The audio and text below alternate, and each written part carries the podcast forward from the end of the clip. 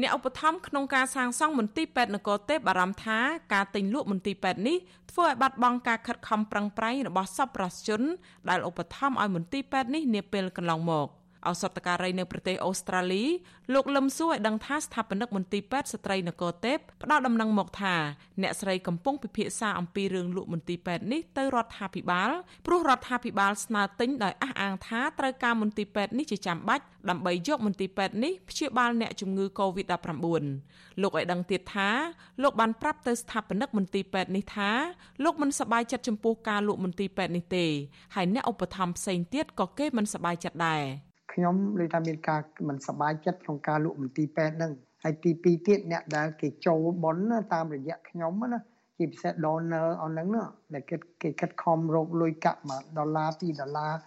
កន្សំលុយចាស់ចាស់5រំបាន5000ដុល្លារដើម្បីទិញកន្ទប់មួយហ្នឹងណាដាក់ឈ្មោះគាត់ហ្នឹងណាឥឡូវទៅជាលក់ឲ្យរដ្ឋាភិបាលវិញហើយដាក់ដូរឈ្មោះទៅទៀតណាធ្វើឲ្យមានការមិនសប្បាយចិត្តពី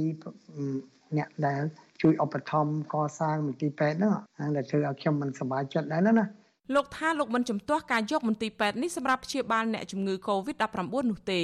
ប៉ុន្តែមិនគួរដល់ថ្នាក់ទិញយកនោះឡើយលោកយល់ថារដ្ឋាភិបាលគួរទិញមន្ទីរពេទ្យឯកជនឬសន្តាគារផ្សេងទៀតដែលប្រឈមខ្សែធនវិញ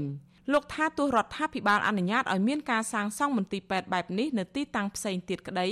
ក៏ត្រូវចំណាយពេលយូរនិងបាត់ព្រលឹងនគរទេពនៅតំបន់ព្រៃសរ រយៈពេលចំជិតមួយឆ្នាំនេះរឿងអីយើងមិនរៀបចំមកហើយដល់ពេលត្រូវការលេងទៅអូសទាញមន្ទីរពេទ្យអាមនុស្សធម៌ទៅវិញ រឿងអីយើងមិនរៀបចំចំពោះខ្ញុំណាប្រទេសអូស្ត្រាលីនេះខ្ញុំនិយាយប្រទេសនេះទៅចោះនឹងប្រទេសជឿនលឿនផ្សេងៗទៀតគឺគេរៀបចំស្រេចព្រោះយើងអត់មានកូវីដប្រហែលជា8 9ខែមួយឆ្នាំអត់មានយើងគួរតែរៀបចំយើងកាយកុនយើងសង់ថែមន្ទីរពេទ្យយើងរៀបចំកាលពីចុងខែមីនារដ្ឋាភិបាលលោកហ៊ុនសែនប្រកាសទិញមន្ទីរពេទ្យនគរទេពដោយបដូរឈ្មោះទៅជាមន្ទីរពេទ្យលួងម៉ែដើម្បីព្យាបាលអ្នកជំងឺ Covid-19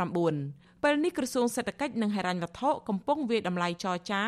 និងរៀបចំកិច្ចសន្យាទិញលក់មន្ទីរពេទ្យនេះព្រះបាទសម្ដេចព្រះបរមនាថនរោត្តមសីហមុនីបានប្រោសប្រទានព្រះរាជទ្រព្យចំនួន200,000ដុល្លារ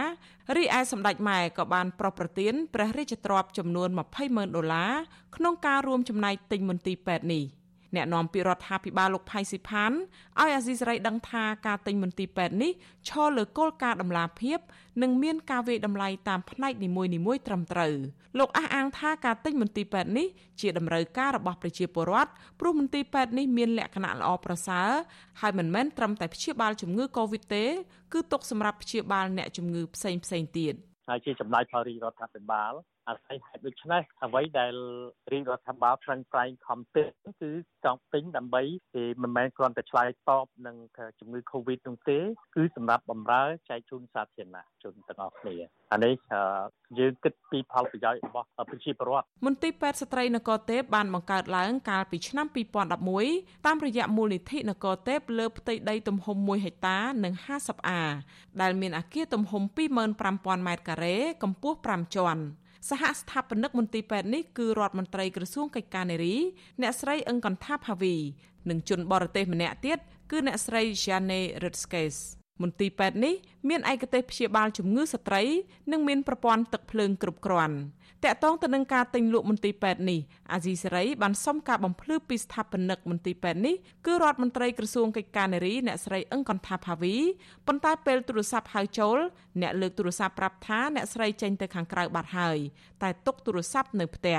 អាស៊ីសេរីក៏បានសុំការបកស្រាយពីស្ថាបនិកមន្ទីរពេទ្យនេះម្នាក់ទៀតគឺអ្នកស្រី Jane Rodriguez តាមសារអ៊ីមែលក៏ប៉ុន្តែនៅមិនទាន់ទទួលបានការឆ្លើយតបពីអ្នកស្រីវិញនៅឡើយទេ នៅថ្ងៃទី1ខែមេសា